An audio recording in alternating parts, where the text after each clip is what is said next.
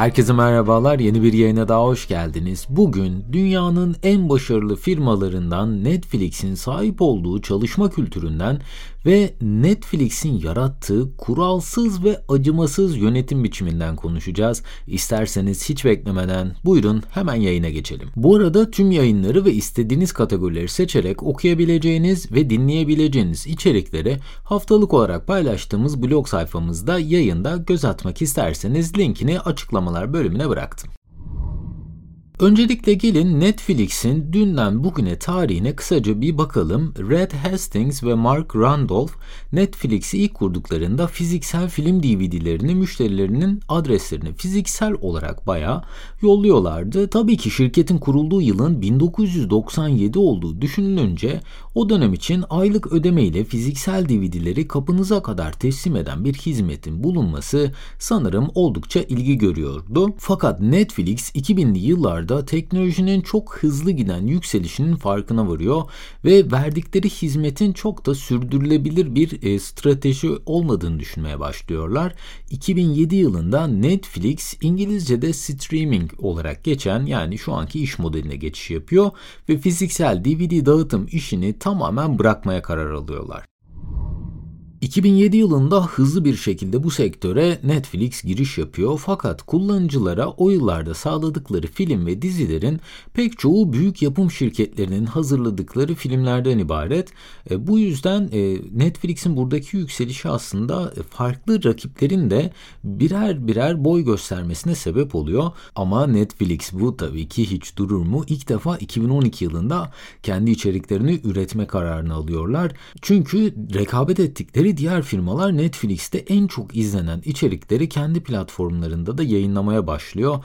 Netflix bu rekabette öne geçebilmek için Lilyhammer adında ilk komedi serisini kendi başına hazırlamaya karar veriyor. Peki nedir bu Netflix çalışma kültürü? Biraz da buna bakmamız lazım öyle değil mi? Netflix'in bu kadar hızlı şekilde kararlar alıp sürekli olarak kendini geliştirmesini ve diğer firmalara açık ara fark atmasını sağlayan şey e, tam olarak kendi yarattıkları çalışma kültürü diyebiliriz. Bu kadar hızlı aksiyon almalarını sağlayan temel olgu kurallar olmadan bir şirket yönetim e, sistemine sahip olmaları. 2020 yılında yayınlanan No Rules Rules kitabında şirket içi çalışma kültürünü şirketin kurucusu Reed Hastings detaylıca açıklamış. Kitabı okumak isterseniz linkini bıraktım. Fakat bahsetmeden geçemeyeceğim.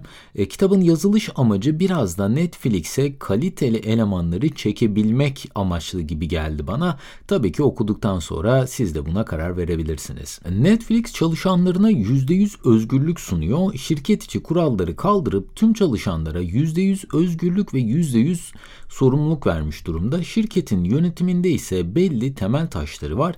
Gelin bunlara tek tek bakalım. İlk olarak şirkette sadece en yetenekli insanları tutmak geliyor. Netflix Amerika'da e, bu tüm firmaları sarsan inanılmaz bir ekonomik krizde çok büyük bir darbe alıyor ve şirketten oldukça fazla miktarda insanı çıkarmak zorunda kalıyorlar. O dönem 120 kişilik bir ekibe sahip olan Netflix 3'te 1 oranında küçülmeye gitmek zorunda kalıyor.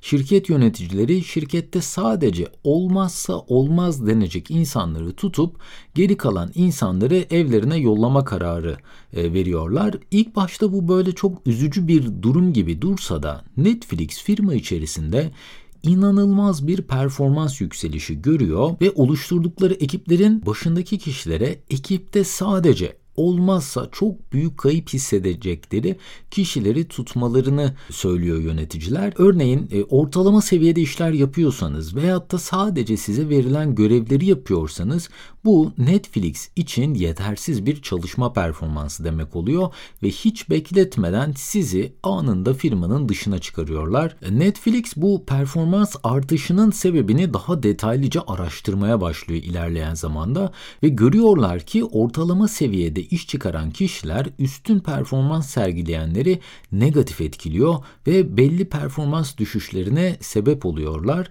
E, fakat sürekli olarak üst düzey performans gösteren kişileri bir arada tutunca bunlar bu insanlar birbirlerini çok daha olumlu bir biçimde etkiliyor ve daha iyi sonuçlar yaratmaya başlıyor ve bu yüzden Netflix şirkette sadece ama sadece en yetenekli insanları tutma kararını alıyor. Netflix'in uyguladığı ikinci yöntem ise A sınıf çalışana her zaman A sınıf maaş vermesi. Netflix ekibinde bulundurduğu bu kişilere market değerlerinin her zaman daha üstünde bir maaş ödemeyi tercih ediyor. Eğer ki yeni birini de işe alacaklarsa kendisine market değerini araştırıp öyle gelmesini e, söylüyorlar. Çalıştığınız alanda piyasada ödenen maaş miktarını sizin bulmanız e, isteniyor ve ardından Netflix size bu değerin kat ve kat üstünde maaş ödemeyi kabul kabul ediyor. Bunun da sebebi ekibinde sadece A sınıf insanları sürekli olarak bir arada tutabilme çabası tabii ki. Üçüncü yöntem ise biz bir aile değiliz ve duygularla asla hareket etmeyiz diyorlar. Oldukça acımasız gözükebilir. Netflix bu konuda aslında çok açık bir firma. E, çoğu firmanın çalışanlarına bir aile edasıyla yaklaşmasını Netflix çok saçma bulduğunu söylüyor. Çünkü kendileri asla duygularla hareket etmiyormuş. Bunun yerine kendilerini bir spor takımına benzetiyorlar. Spor takımı aile bağı gibi bağlarla değil, sadece gösterilen performans ile yönetildiği için Netflix'te aynı yönetim biçimini kendileri için benimsemiş. Ve firma içerisinde uygulanan bir test var. Buna The Keeper Test deniyor. Firma içerisinde bunu e, çalışanlar kendi aralarında sürekli olarak bu metodu uyguluyormuş. E, şu şekilde bu metot aynı takım içerisinde diğer insanlar için her gün işe geldiğinizde o kişi için yani ekip arkadaşınız için savaşıp savaşmayacağınızı test etmeniz isteniyor. Eğer ki bu kişi sizin için savaşmaya değmeyecekse de Netflix'teki yöneticilere bunu e, bildirmeniz gerekli. Eğer bunu yapmazsanız Netflix'e ihanet etmiş derecesinde bakılıyormuşsunuz. Dördüncü yöntem ise aklından geçeni direkt paylaş. Tüm çalışanların ekibindeki kişilere, yöneticilere veya üst düzey yöneticilere karşı dürüst olması ve aklından ne geçiyorsa direkt söylemesi Netflix'in diğer bir yapı taşıymış. Örneğin ekip lideri size bir görev verdi ve siz bu görevi bir sebepten ötürü mantıksız bulduysanız bunu direkt olarak paylaşmanızı istiyor Netflix. Eğer ki bu tarz e, geri bildirimler yapmıyorsanız, fikrinizi direkt olarak paylaşmıyorsanız yine Netflix'e ihanet etmiş etmiş olarak değerlendiriliyormuşsunuz. Hatta şirketin finans bölümünde çalışanlar finansal anlamda tüm olup biteni dahi çalışanlarla paylaşıyormuş. Firmanın finansal durumunun iyi gidip gitmediğini çalışanlar açık ve net bir şekilde görebiliyormuş. Şirketin bu tutumu ile alakalı olarak da Wall Street'ten kendilerine bazı uyarılar bile gelmiş. Çünkü şirket içinde olan birinin çevresine yatırım tavsiyeleri verme şansı olduğunu ve haksız kazanç elde etme durumunun olabileceğini olabileceğini firmaya bildirmiş. Fakat buna rağmen Netflix hala bu yöntemi şirket içerisinde uyguluyor. E, eğer böyle bir şey yaparsanız da tabii ki işten atılıyorsunuz ve Netflix bu riski tamamen almış durumda. Beşinci yönetim biçimi ise bence herkesin hoşuna gidecek bir yönetim biçimi e, diye düşünüyorum. Sınırsız tatil süresi ve harcama bütçesi. Netflix tatil sürelerinde ve şirket harcamalarında hiçbir kurala sahip değil. Her çalışanına işini en üst düzeyde yaptığı sürece sınırsız tatil süresi sunuyor. Tabii ki önceden tatile çıkacağınız süreleri bildirmeniz gerekiyor firmaya. Ayrıca şirket harcamalarında da kendi çıkarınıza kullanmadığınız sürece sınırsız bütçe sunuyor. Kimseden izin almanıza veya birilerine açıklama yapmanıza da gerek yok. Fakat e, firma bu olanı e, tabii ki Netflix'in yararına değil kendi çıkarınıza göre kullandığınızı fark ederse kovuluyorsunuz. Yani her konuda kontrol tamamen çalışanların elinde. Ee, Netflix'in CEO'su e, şunu değerlendirmiş. Bunu her firma uygulayabilir mi? Ee, bu yönetim biçiminin sadece en üst düzey performans gösteren e, çalışanları bünyesinde tutan firmaların başarabileceğini söylüyor.